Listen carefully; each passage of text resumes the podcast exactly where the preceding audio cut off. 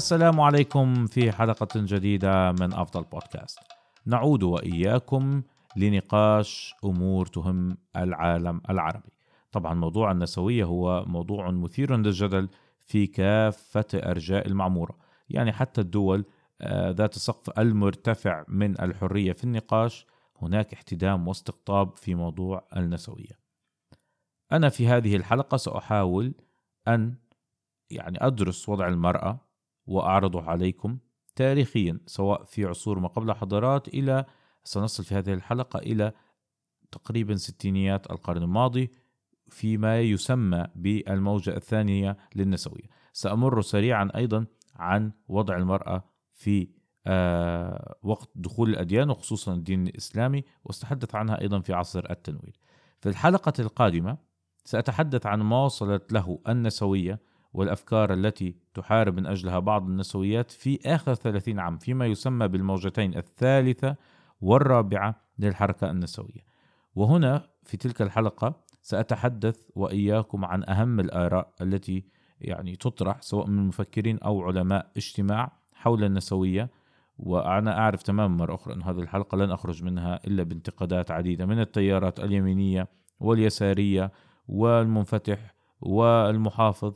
لأنه هي حلقة يعني مثيرة جدا. لكن هنا في أفضل بودكاست الهدف هو النقاش وفتح باب النقاش والاستماع إلى كافة الآراء. وهذا ما سأفعله.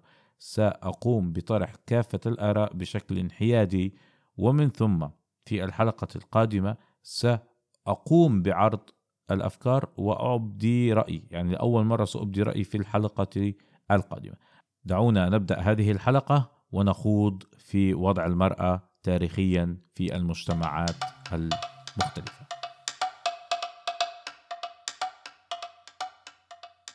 أعزائي المستمعين، نبدأ أولا بالحديث عن وضع المرأة تاريخيا. يعني سأبدأ في عصر ما قبل ظهور الحضارات ومع بداية ظهور الحضارات.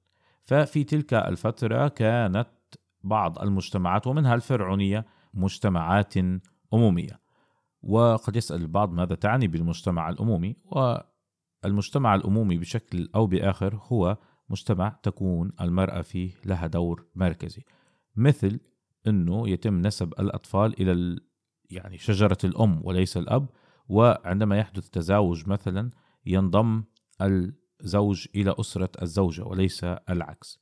لكن يقول ستيفن جولدبرغ في كتابه The Inevitability of Patriarchy أنه لا يوجد مجتمع أمومي 100% يعني وهذا رأي معظم أو يعني خلينا نقول السواد الأعظم من العلماء. لكن عندما نقول مجتمع أمومي أنه المرأة لها دور مركزي. مش هي على عكس الشائع أنه البعض يقول أنه مجتمع أمومي معناته أكيد كان المرأة هي أهم جزء في المجتمع. مش بالضبط. على العموم كان السبب الرئيسي في كون هذه المجتمعات أمومية هو اعتقاد الإنسان بأن المرأة هي سر الكون والوجود والبقاء. والسبب الرئيسي في ذلك هو أن الرجل لا يقوم بعملية الإنجاب. طيب المرأة كيف تقوم بالإنجاب؟ في وقت كان الجنس فيه مشاعيا أي أن الأفراد المجتمع أو القبيلة أو الجماعة التي تتحرك سويا كان عندها أكثر من شريك جنسي واحد. وهنا لم يعلم الرجل عن دوره في عملية الإنجاب هو يعتقد أن المرأة فجأة بيأتيها هبة من السماء أو يعني بطريقة يعني غامضة آه، تقوم بأنه يحصل لها حمل وتقوم بالإنجاب. لكن مع دخول عصر الحضارات وبداية الاستقرار أصبح لكل عائلة منزل وبل غرف حتى وأصبح هناك حالة انفصال نوعا ما بين الجماعات وتكوين الأسر الأصغر. هنا فهم الإنسان بأن المرأة يجب أن تمارس الجنس مع رجل حتى تستطيع أنها تحمل وتنجب أطفال. وهنا فهم عن أنه له دور مهم جدا في عملية الإنجاب يعني لا يمكن أن تقوم بها المرأة لوحدها. لذلك أصبحت المرأة غير متفردة في كونها قادرة على عملية التكاثر. الشيء الآخر بأنه الرجل فهم أيضا أنه الأطفال اللي بينجبوا في السابق عندما كان الجنس مشاعيا كانوا هدول الأطفال للقبيلة كلها للعائلة كلها. لكن مع دخول هذا الفهم على المجتمعات أصبح الرجل اللي هو طبعا مصدر الأكل والأمن الغذائي والأمن حتى في المسكن وغيره من الأمور أصبح أنه أنا هذا المجهود الكبير في هذا العصر الصعب يعني عصر صعب تحصل فيه على الغذاء وتسكن عائلتك وتحصل على المال وكل هذا جهد كبير جدا. لا يمكن أن أضعه لتربية أطفال مش أطفالي لذلك بدأ الرجل والمجتمع ينظر إلى المرأة بأنه يجب أن نحافظ على سلالتي. أنا مش رح أربي يعني ناس مش من صلبي خصوصا أنه غريزة البقاء لدى البشر كبيرة جدا. والجزء المهم في عملية البقاء لأنه لا يوجد إنسان خالد وسيحيا إلى الأبد هو من خلال الجينات يعني من خلال النسل والأطفال. هنا بدأ يعني خلينا نقول حصار المرأة قليلا بأنه بلاش تطلع كتير بلاش يكون هناك اختلاط عالي جدا في المجتمع. كل هذا من أجل التأكيد على فكرة أنه الأطفال هم من صلبي وأيضا لأنه أنت ما طلعتيش أهم جزء في المجتمع. أنا لي دور مهم في عملية الإنجاب وهكذا بدأت المرأة ينسحب منها أهميتها ومركزيتها في المجتمع لصالح الرجل خصوصا أنه المجتمع الجديد في هذه عصر الحضارات يعني كان مطالبا بأنه يذهب للعمل كان مطالبا بأن يقوم بالأشغال الشاقة بعملية الصيد بعملية آه، الأمن الغذائي. والمرأة هي اللي بتقوم على حراسة البيت والأطفال وتنشئتهم. فهنا بدأ الرجل يكسب دورا أكبر في المجتمع على حساب المرأة. ومن أكبر التجليات لهذا الدور الجديد كانت الحضارة الرومانية التي لم تعطي المرأة الحق في أن تكون مواطنا. وهذا يعني أنها ليس لها الحق في التصويت ليس لها ذمة مالية لا تستطيع أن ترث ليس لها الحق في التملك. يعني سلسلة طويلة عريضة من الاضطهاد الحقيقي للمرأة. واعتبارها كائن أقل من الرجل وأقل في القدرة العقلية يعني من الرجل. ولذلك ستراجع دورها ولن تعطى يعني أهمية كبيرة في هذه الدول وفي هذه المجتمعات. كل هذا تم حتى دخل علينا عصر الأديان. لكن حقيقة أنه حتى عندما تبنى الدولة أو الإمبراطورية الرومانية الدين المسيحي لن يحدث تغيير كبير. رغم أنه الأسباط الأوائل تحدثوا أنه إحنا كلنا خلقنا من نفس النفس وأنه كلنا أولاد الرب وغيره لكن لن يكون هناك تأثير حقيقي لأنه الدولة الرومانية كانت مبنية على أساس الثقافة الرومانية وليس على أساس الدين المسيحي. لذلك الغلبة ستكون للمكون الثقافي الروماني وليس إلى الدين المسيحي. فلذلك لن يكون هناك أثر كبير على حالة المرأة في العصر المسيحي الأول خصوصا أنه حتى رجال الدين الذين سيظهرون في روما ويعني عند بداية عصر البابوية الكاثوليكية حتى سيقومون بأخذ المعطيات والحضارة يعني الرومانية وثقافتها ستكون هي الحاضرة الأكبر. وهذه الثقافة ستظهر إنه هي التي أثرت على حتى المسيحية وليس العكس بالنسبة للمرأة. هتجد إنه حتى رجال الدين آه، سيبرهنون ويقولون آه فعلا يعني الحضارة الرومانية هي الصحيحة. وحتى في قصة يعني نزول سيدنا آدم إلى الأرض هم يقولون إن حواء هي التي أغرت آدم بأكل تفاحة. ولذلك هي أصل الشرور كما يقول بعض رجال الدين في ذلك الزمن. بعد ذلك سيدخل الدين الإسلامي وحقيقة أن الدين الإسلامي وعصره سيشهد ثورة حقيقية في حقوق المرأة. هو شهد ثورة اجتماعية كبيرة وأنا قلتها في العصر الذهبي للإسلام. أرجو أن ترجعوا إلى تلك الحلقة يعني أيضا. هو قال أنه كل الناس سواسية لا فرق بين عربي وأعجمي. آه، السيد والعبد آه، هم على نفس المنزلة. آه، طبعا كل الناس لا فرق بينهم يعني إلا بالتقوى. كل هذه الأمور تعني إنه طبعا هو لم يحدد رجل ست آه، يعني عنصر آه، إثني على عنصر إثني آخر لم يحدد على الإطلاق. كلنا مخلوقون من نفس واحدة. وحتى في القصة الإسلامية أنه حواء لم تغري سيدنا آدم. لا عادي انه هم الاثنين تم إغراءهم ونزلوا فهي ليست أصل كل الشرور. و سيكون هناك أيضا في مجتمع صعب الميراث حتى مع المرأة المجتمع العربي. آه، فجأة انه المرأة يجب أن ترث. المرأة يجب أن يتم حمايتها من التبلي عليها مثلا بالفاحشة لأنه كان أمر يعني كبير بالمناسبة. إنه أي أحد بده يعني ينال من أسرة أخرى من قبيلة أخرى من سيدة من كذا كان يتحدث عنها بسوء. وهذا الشيء أتى الإسلام وحاربه بشكل واضح وصريح. آه، أيضا وهذا شيء مهم جدا أنه منع الزواج بالإكراه تماما. يعني في الكثير من المجتمعات كانت المرأة تزوج من قبل الأب حسب مرات يعني كصفقة تجارية. يعني هتأخذها هاخذ مهر والمهر للأب طبعا للأسرة.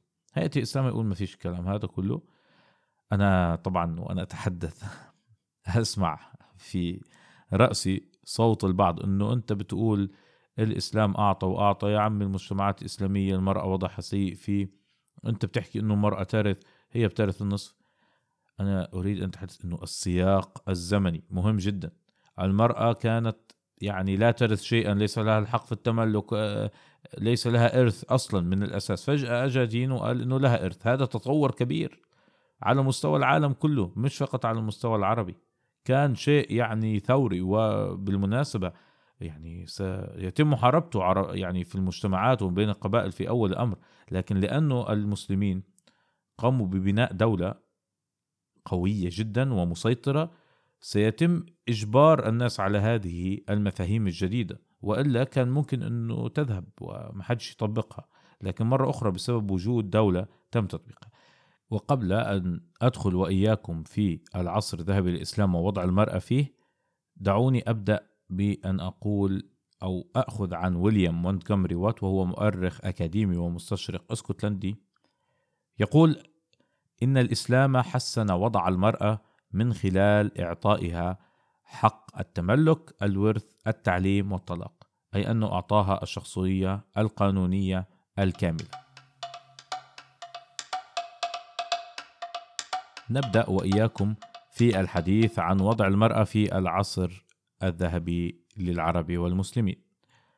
أنا قلت لكم أنه ويليام مونتجمري كان تحدث عن أهمية الحقوق التي أخذتها المرأة من المسلمين. ولكن البعض قد يقول لي وأنا مرة أخرى دائما أفكر في ال counter argument الذي يحمله مستمعيني. قد يقولون لي طيب جميل أنت بتحكي أنه الإسلام أعطى واحد اثنين ثلاثة. لكن أين التطبيق العملي على ذلك؟ أنا اليوم أرى أنه أفغانستان وطالبان تقول أنه إحنا بنطبق الدين ونمنع النساء من التعليم ونمنعهم من الدخول في سوق العمل ونحبسهم في البيوت ونضع عليهم يعني كثير من العوائق الاجتماعية.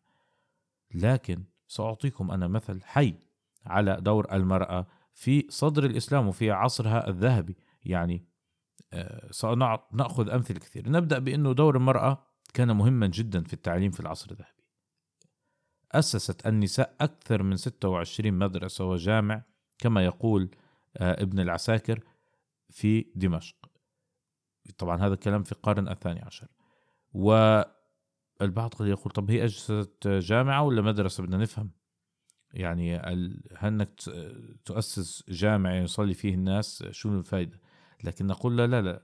لما نتكلم على الجامع في ذلك الوقت الجامع كان مدرسة وملجأ ومكتبة وأكثر من كونه فقط مكان للعبادة. هذا حقيقة وتحدثت عن ذلك في حلقة عصر الذهبي للإسلام فيجب أن نأخذ أنه كان يتم تدريس الكثير من العلوم في الجامع بل أنه سأعطيكم مثال أفضل بكثير. فاطمة الفهرية ومن يعلم عن فاطمة الفهرية فهي أسست جامع القرويين عام 864 والذي سيصبح أول جامعة في التاريخ حسب كتاب جينيس للأرقام القياسية. فاطمة الفهرية هي شخصية مسلمة متعلمة آه ذهبت إلى القرويين واستقرت فيها أصلها من القروي من القيروان في تونس وكان عندها من المال الكثير. واهتمت كسائر المجتمع في ذلك الزمان عصر ذهبي للإسلام بالعلوم والتعليم. ولذلك قامت ببناء هذا الجامع الذي يعني يحوي مدرسة والذي سيصبح جامعة كاملة الإركان. يقول ابن عساكر أيضا في القرن الثاني عشر أن بإمكان المرأة أن تدرس وتحصل على إجازة وأن توصف فقيهة ومعلمة وأنه هو شخصيا درس ثمانين امرأة. يعني هذا يعطيك يعني دلالة مهمة جدا على وضع المرأة. يعني اليوم لما يجي شخص وبيتحدث في بعض يعني إحنا يجب أن نعلم إن إحنا اليوم عايشين عصر تراجع. وهذا البودكاست معمول للحديث على إنه لماذا نحن متراجعين؟ جزء منه إنه طبعا عندما يتراجع دور المرأة يتم يعني بتكون هو إما دلالة على إنه المجتمع متراجع إما بداية تراجع لهذا المجتمع. آه عندنا أيضا مسألة إنه هناك مثلا حتى في الإسلام وفي الفقه الإسلامي عندنا سيدات نساء مهمات جدا. يعني مثلا عندنا زينب بنت الكمال. والتي لقبت بمسندة الشام وهي محدثة وعالمة الدين نبغت في علم الحديث بل وترحلت ترحلت في طلب العلم ما بين حلب ماردين بغداد القاهرة يعني كل هذا في طبعا نهاية القرن الثالث عشر. وتخرج على يدها الإمام العلامة شمس الدين الذهبي ودرس على يدها ابن بطوطة. يعني عندما أتحدث أنه في نساء عربيات ومسلمات في العصر الذهبي كان لهم أهمية كبرى على يعني التعليم أنا لا أقولها من جدل ولا أتي لكم باستثناءات ولا أتي لكم بوحدة درست في الخفاء كما سيحدث في أوروبا في عصر الأنوار. لا أنا بتحدث أنه كان من الطبيعي جدا أنه مرأة تخرج وتدرس وتدرس وتترحل من أجل العلم. هذا هو كان السائد وهذا مش كلام نظري. يعني لا أتحدث هنا أنه الإسلام قال كذا. لا الإسلام قال كذا وتم تطبيق هذه المعطيات وهذه الأفكار الإسلامية. عندنا أيضا فاطمة القرطبية. وفاطمة القرطبية تخيلوا هي شيخة درس على يدها الفيلسوف الكبير الصوفي ابن عربي في القرن الثاني عشر وتحدثت عنها كاملة هلنسكي في كتابها نساء متصوفات وحتى إنه يعني تحدث عنها ابن عربي وقال شيخة الحرمين إن أسهبت أتعبت وإن أوجزت أعجزت وإن أفصحت أوضحت شمس بين العلماء. ومن الأمثلة الأخرى التي أستطيع أن أذكرها آه، السيدة والعالمة والسياسية لبنى بنت عبد مولى القرطبية التي عاشت في نهايات القرن العاشر ميلادية في الأندلس. طبعا أنتم ترون الآن بشكل واضح أن الأندلس كانت أكثر انفتاحا مش فقط بالمناسبة في العالم الإسلامي بل أيضا في العالم ككل. في من هي طبعا لبنى القرطبية؟ كانت كاتبة وسكرتيرة للخليفة الحكم الثاني ابن عبد الرحمن الداخل وقد أسند لها توقيعه. يعني إحنا نتكلم على سيدة من الطراز السياسي الرفيع ولها يعني البعض يعتبرها من أهم الشخصيات أصلا في الخلافة الأموية في الأندلس. هي طبعا من الشخصيات التي أسست مكتبة مدينة الزهراء مع حسداي بن شبروت وهو طبعا عالم يهودي وسياسي في الأندلس. وقد كانت مسؤولة عن المسرح والكتابة والترجمة. في هذه المكتبة الضخمة التي ضمت 460 ألف كتاب.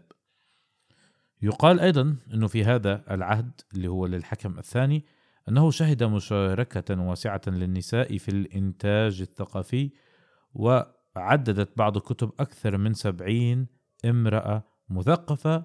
عملنا في الترجمة وفي النسخ وغيرها من العلوم الأخرى. طبعا إحنا بنعرف إنه في ذلك الزمان الترجمة والنسخ مش إنه شيء بسيط هدول من أهم الأدوات للتقدم الفكري اللي حصل في العصر الذهبي. وقد تحدثت عن لبنى العديد من الكتب منها الأسبانية لكن أنا أعتقد إنه أكثر كتاب أنصفها وتحدث عنها يعني بشكل مفصل هو كتاب On This Day She Putting Women Back into History One Day at a Time والذي صدر في عام 2021 تحدث أيضا المؤرخ الفرنسي جوستاف لوبون في كتاب حضارة العرب وقال فضل الإسلام لم يقتصر على رفع شأن المرأة بل نضيف أنه أول دين فعل ذلك. ومرة أخرى أنا أعلم أن البعض قد يقول أنه هذه برضو حالة استثنائية. وأنه الأندلس فعلا كانت منفتحة والجميع يعلم ذلك. وقد يكون هذا الانفتاح لأنهم يعني حضارة تتكون من عدة ثقافات ومن عدة أديان ومن عدة مذاهب فبكل تأكيد سيحدث ذلك.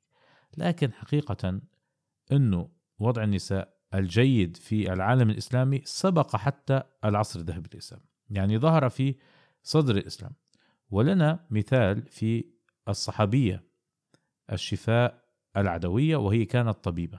طبعا طبيبة بالمعنى البسيط اللي هي العصر ذلك الذي يعني لسه لم يدخل على البشرية ككل فكرة الأطباء بشكلهم الحالي الذي طبعا ابتدعوه في بغداد وأول مستشفى كانت هناك. لكن يعني كانت تقوم بالتطبيب يعني والمداواة للجراح في عصر الرسول وفي عصر عمر بن الخطاب الذي تحدثت المصادر على أنه كان يقدمها في الرأي. وولاها أمر سوق الحسبة. يعني كان معينها تقريبا بدرجة قاضي أو قد يقول البعض أنه بدرجة وزيرة اقتصاد أو مالية أو غيره. وهذا حدث في عصر للخلافة الراشدة عمر بن الخطاب رضي الله عنه. يعني الموضوع سبق بشكل كبير يعني حتى العصر الذهبي للإسلام. وهذا لأنه هم يطبقون ما رأوه بأنه يعني خلينا نحكي أنه مسلم أو Islamic values. وهذا شيء مهم جدا أنه يتم تطبيقها بشكل واضح وصريح في يعني لا لبس فيه لأنه حتى في عصر النبوة نفسه يعني في صدر الإسلام. كان عندنا أيضا نساء مثل خولة بنت الأزور ونسيبة بنت كعب التي بالمناسبة أصيبت في معركة اليمامة في حروب الردة واستشهدت في آه، بسبب جراحة في تلك المعركة كانت تذود بنفسها عن الرسول الكريم وهذه مش حالات استثنائية. هيني أنا عمال بعطيكم أسماء كثيرة وسأعطيكم اسما أيضا مهم جدا بالمناسبة في الفقه الإسلامي وهي فاطمة السمرقندي التي كانت أيضا موجودة في آه، تقريبا القرن الثاني عشر. ليش أنا بحكي هذه الأسماء؟ إنه هذه الطفرة الإسلامية في النظرة إلى المرأة وحقوقها ونظرتها يعني دورها الاجتماعي في نظر الإسلام كبير جدا. أكبر من بالمناسبة من تطبيق المسلمين لهذه القواعد الإسلامية اليوم. يعني للأسف عندما ترى بعض الدول متراجع فيها دور المرأة بتستغرب. الحقيقة أن المرأة أعطيت حقوق أكثر من أي مكان آخر في العصر الإسلامي. وبالمناسبة ابن رشد يعني دعا إلى مشاركة المرأة في إدارة الدولة والفلسفة. وتحدث بل وأنكر تحجيم دور المرأة وعده ضرر من دولة يقول محمد منصور في كتابه موسوعة أعلام الفلاسفة تساءل ابن رشد وهو يعاين انطفاء أنوار الحضارة الإسلامية إذا لم يكن يرجع ذلك جزئيا إلى الوضع الذي حبست فيه المرأة. يعني هذا الكلام يتعدى مسألة فقط إنه والله شريعة بتقول يشاركوا يمكن ما يشاركوا لا هو ينظر ابن رشد. هذا طبعا الفيلسوف العظيم جدا إلى مسألة على أنه بالمناسبة هي نفس الكلمة التي يستخدمها العديد من النسويات اليوم بأنه مشاركة المرأة فيه مصلحة للمجتمع ككل. وهذا الذي كان يتحدث عنه الفيلسوف العظيم ابن رشد. على العموم بهذا أنا أكون أنهيت العصر الذهبي للإسلام ودور المرأة في صدر الإسلام وفي العصر الذهبي وسأنتقل الآن وإياكم إلى عصري النهضة والأنوار والموجة النسوية الأولى بعد قليل.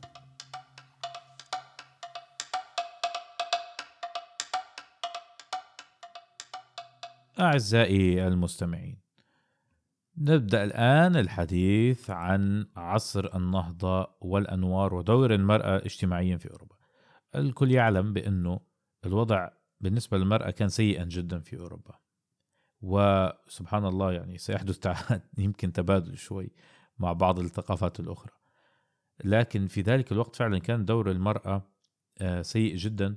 ولدرجة أنه كان عصر النهضة أنا لا نتحدث عنه بشكل كبير لكن كانت النساء يتحدثن فيه أنه فقط بدنا يعني أن يتم الاعتراف بأنه إحنا يعني نستحق أنواع معينة من الحقوق ونستحق النظر إلينا على أننا يعني بشر ذوي يعني عقل وكيان متكامل الأركان مش أنه إحنا أقل شأنا. ف وفي هذا كتبت ماري دو غورني The Equality of Men and Women وكانت تطالب فيه بحق التعليم تحدثت موديرتا آه، فونتي في القرن السابع عشر وفي كتابها The Worth of Woman يعني محاولة لها للتأكيد أنه هناك شأن للمرأة أنه المرأة تستطيع تقديم شيء. يعني تخيلوا كان عندما تقرأ هذه الكتابات وهذه الكتب تعلم بمدى الاضطهاد الذي عاشته المرأة في ذلك الوقت. ولذلك لا أريد من البعض أن يستغرب أنه صار في هناك حركة نسوية. بكل تأكيد الاضطهاد الذي عاشته المرأة كان كبيرا في العصور الماضية. تحدث الفيلسوف الفرنسي فرانسوا بولان في القرن الثامن عشر في كتابه آه، وفي مجمل كتبه عن ال social justice والظلم الواقع على المرأة وقال أنه يجب التركيز على محاربة وضع المرأة وإبعادها عن التعليم. والظلم الذي كانت تعتري علاقة المرأة والمجتمع وعلاقة المرأة بالدولة. وهنشوف أنه في عصر الأنوار في كتاب مهم جدا لميري وولستونكرافت في تقريبا أيضا القرن الثامن عشر تحدث في كتابها A Vindication of the Right of Woman على أن المرأة ليست أقل شأنا بشكل طبيعي من الرجل لكن يظهرن كذلك لغياب التعليم. يعني هي كانت عارفة أن المجتمع بينظر للمرأة بأنها أقل شأن بينظر إلى المرأة بأنها كيان غير عاقل بل إنها في كتابها يعني كانت تنادي هي طبعا عصر الأنوار إحنا عارفين أنه كان ينادي للي سمع لحلقتي عصر الأنوار أعود لها. كان ينادون الفلاسفة بمجتمع يقوم على المنطق فهي كانت تقول بأنه نعم أنا بدي مجتمع يقوم على المنطق والمرأة كائن منطقي يا جماعة. ولهذا مع هذه الدعوات المنفتحة بدأت النساء يدخلن في الصالونات الأدبية ويصبحن كاتبات وفنانات ورسامات وغيره لأنه الجو العام من الانفتاح أدى لهذا الشيء. هذا كله جميل إلى أن نبدأ في الحديث عن الموجة النسوية الأولى التي ظهرت في أواخر القرن التاسع عشر وبدايات القرن العشرين. والهدف الرئيسي لهذه الموجة كان الحقوق القانونية للمرأة كالتصويت وحق الذمة المالية والتعليم وحق التملك. يعني من الآخر المرأة تريد أن تحصل على حقوق مواطنة كاملة ومتساوية مع الرجل وكل هذا الكلام أدى إلى إنشاء ما يعرف بالوومن سفرج ألاينس عام 1904 في برلين. وكانت بالمناسبة النرويج أولى دول العالم إعطاء لحق النساء في التصويت في عام 1913 قبل أن أنتقل للفترة اللاحقة وحتى لا أختصر لماذا أعطيت المرأة هذه الحقوق؟ وكيف استطاعت أن تحصل عليها؟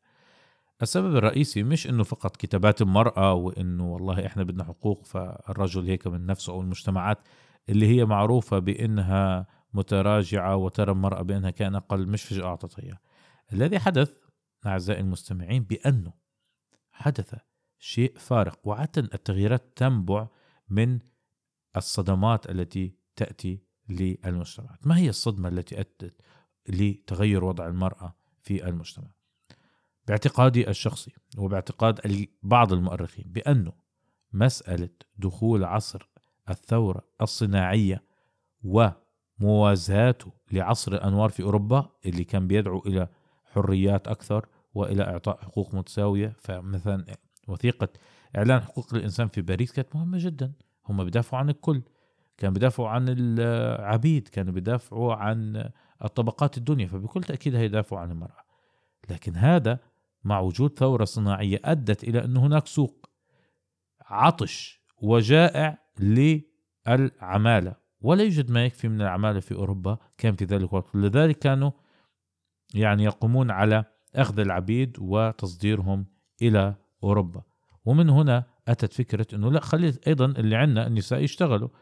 خصوصا إذا علمنا أن أوروبا ما بين أواخر القرن الثامن عشر إلى عام 1945 وهي في حروب دائمة تقريبا وحروب باطشة حروب صعبة جدا حروب يعني آه، ستأكل الأخضر واليابس وستقلص عدد العمالة اليد العاملة في أوروبا بشكل جذري.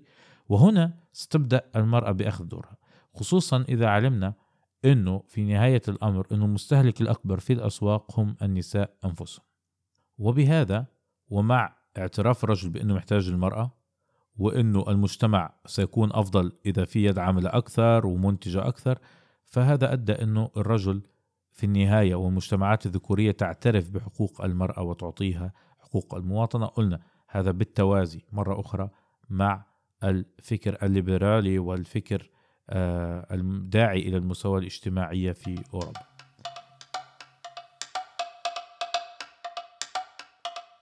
لنذهب الآن ونبدأ الحديث عن الموجة النسوية الثانية التي انطلقت في ستينيات القرن الماضي وبالتحديد في الدول الغربية فقط. وقد ركزت هذه الموجة على حقوق المرأة الاجتماعية من خلال القانون مثل حقوقها العائلية في الطلاق في الحضانة حقوقها الجنسية في إنها يكون عندها حق الإجهاد وفي آه، تجريم الاغتصاب الزوجي مثلا في أنه يكون عندها الحرية في استخدام آه، وسائل منع الحمل. أيضا طالبت بحق العمل وتوفيره ومحاربة اللامساواة العميقة. طبعا كانوا بيطالبوا بأنه مثلا يكون لنا نسبة في البرلمان يكون لنا نسبة في التعليم يعني قوانين مشجعة للمرأة. في عام 1960 سمحت أمريكا بحبوب منع الحمل. طبعا يعني كان هذا شيء كبير جدا. وفي عام 1972 تم تمرير مشروع قانون إعطاء الحقوق المدنية لكل شخص دون تمييز في الولايات المتحدة الأمريكية. وفي عام 79 تم آه، إنشاء منظمة سيداو وهي اتفاقية للقضاء على التمييز ضد المرأة وقد رعته الأمم المتحدة نفسها. علينا نعلم أنه أهم من أهم يعني الرائدات في المجال النسوي كانت بدي فريدن والتي فصلت من صحيفة الاتحاد لكونها حامل في خمسينيات القرن الماضي. وهنا بدأت تتحدث عن كانت يعني تسميها كتاب بعد مرت بهذه الظروف صعبة إنه بالنسبة لها هذا ظلم كبير إنه أنا بحمل صحيح وبنجب. طب انت بتطردني لاني حملت وهذا الشيء مفيد للمجتمع ككل. يعني يجب حماية هذا الشيء. يعني اليوم أوروبا وكثير من المجتمعات المتطورة تعاني وتشجع المرأة على الإنجاب لأنها تعاني من تقلص المجتمع وحجمه. طب أعطيني القدرة على أني أدخل المجتمع وأني أنجب وأني أكون جزء من الأسرة ولا يتضرر عملي لأنه هيك أنا سأضطر اختيار. إما ما أدخل سوق العمل إما أبقى في بيتي وما أشتغل. فهنا كانت المطالبة. شايفين في لا مساواة مرات بتكون غير مصنفة بشكل حقيقي. ولذلك هي كتبت كتاب وسمته المشكلة عديمة المسمى. وكانت تحدث إن ربات البيوت تم خذلهن من خلال مثلا الطلاق. وهنا كلام مهم جدا. يعني شو؟ لما نحن نقول إنه في سيدة متزوجة مثلا ل 25 عام وفجأة زوجها بعد ما هي يعني أنجبت له أطفال واهتمت بالبيت وكانت ربة بيت مميزة طلقها. كان في السابق ما فيش نفقة حقيقية للمرأة. هنا هنا بدأت بيت فريدن لا يجب أن يكون هناك نفقة للسيدة. شو اللي بتخدم زوجها 25 عام وبتربي أطفال وبتنشئ يعني هذا الجيل المهم للدولة؟ وفي النهاية خلص ليس لك أي حقوق. يجب حماية حقوق ربات البيوت.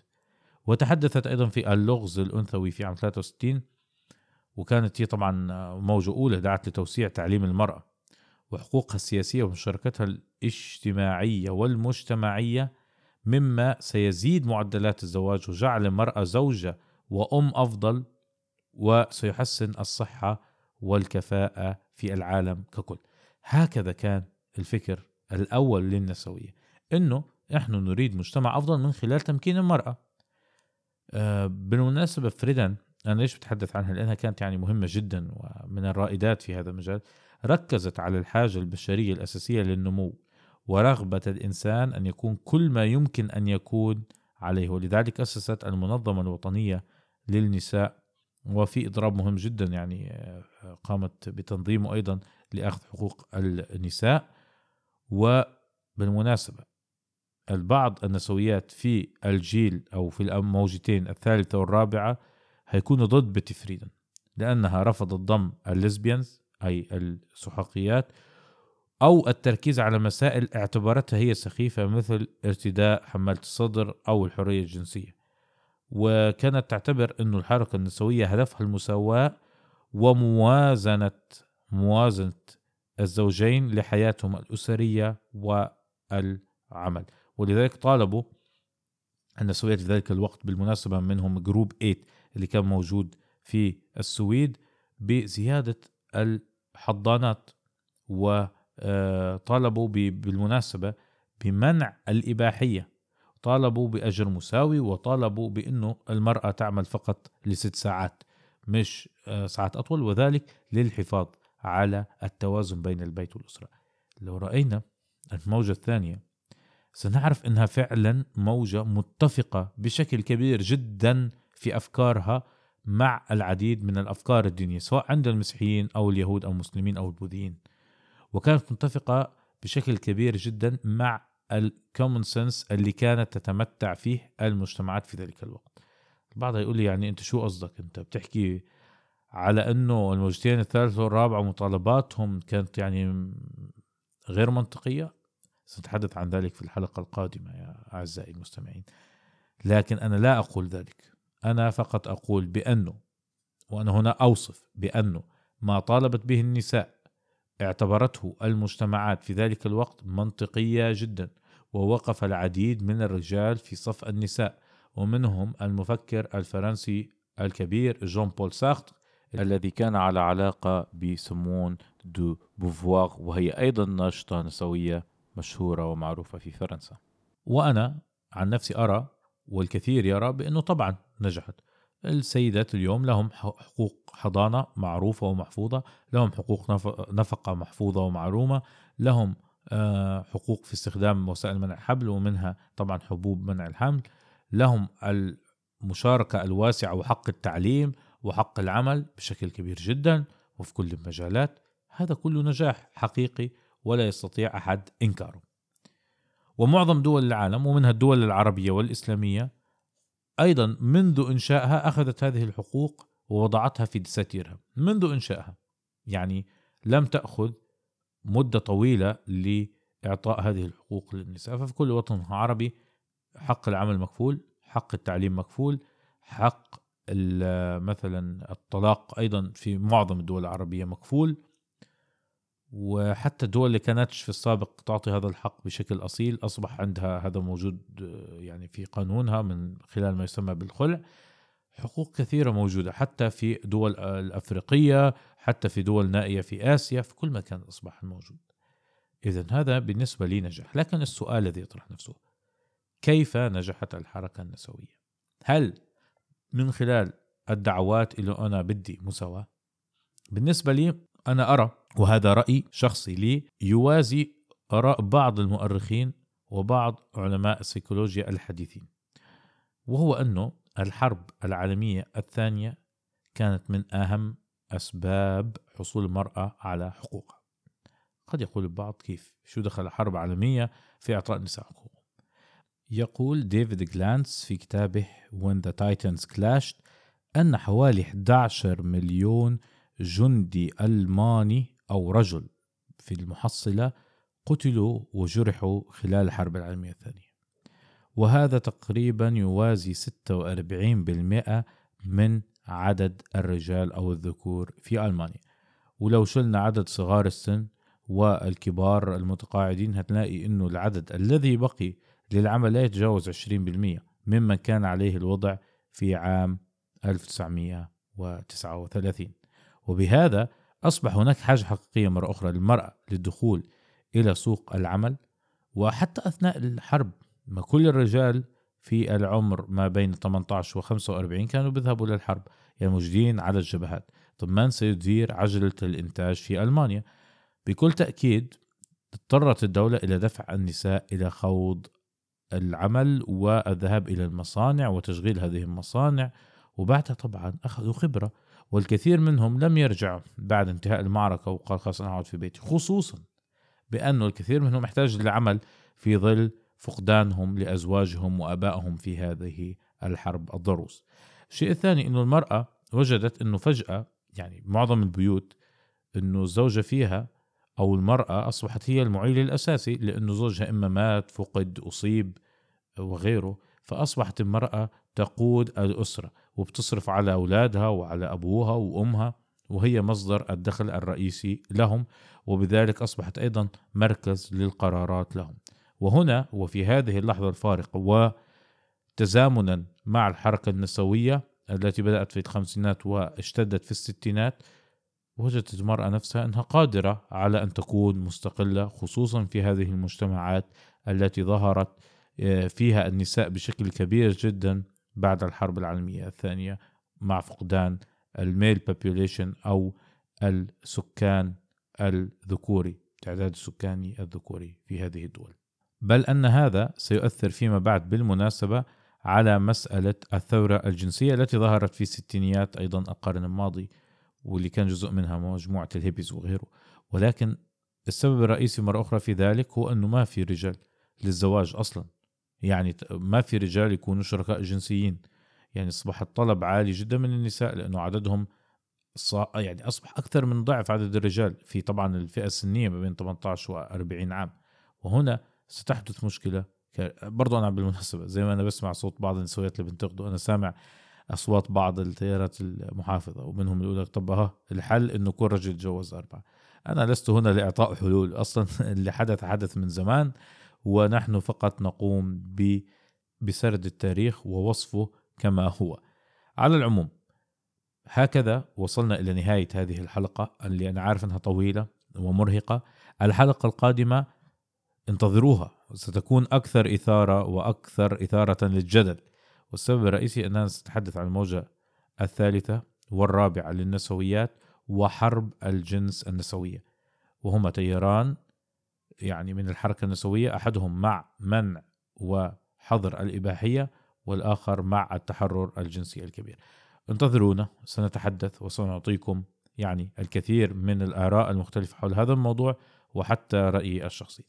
شكرا لكم لاستماعكم لهذه الحلقة وأكون قد وصلت وإياكم إلى النهاية وأتمنى لكم وقتا سعيدا وأتمنى منكم أيضا لو سمحتم بأن تقوموا بمشاركة هذه الحلقة مع كل من تحبون وكل من هو مهتم بالمواضيع الثقافية والفلسفية. شكرا لكم ونراكم في الحلقة القادمة.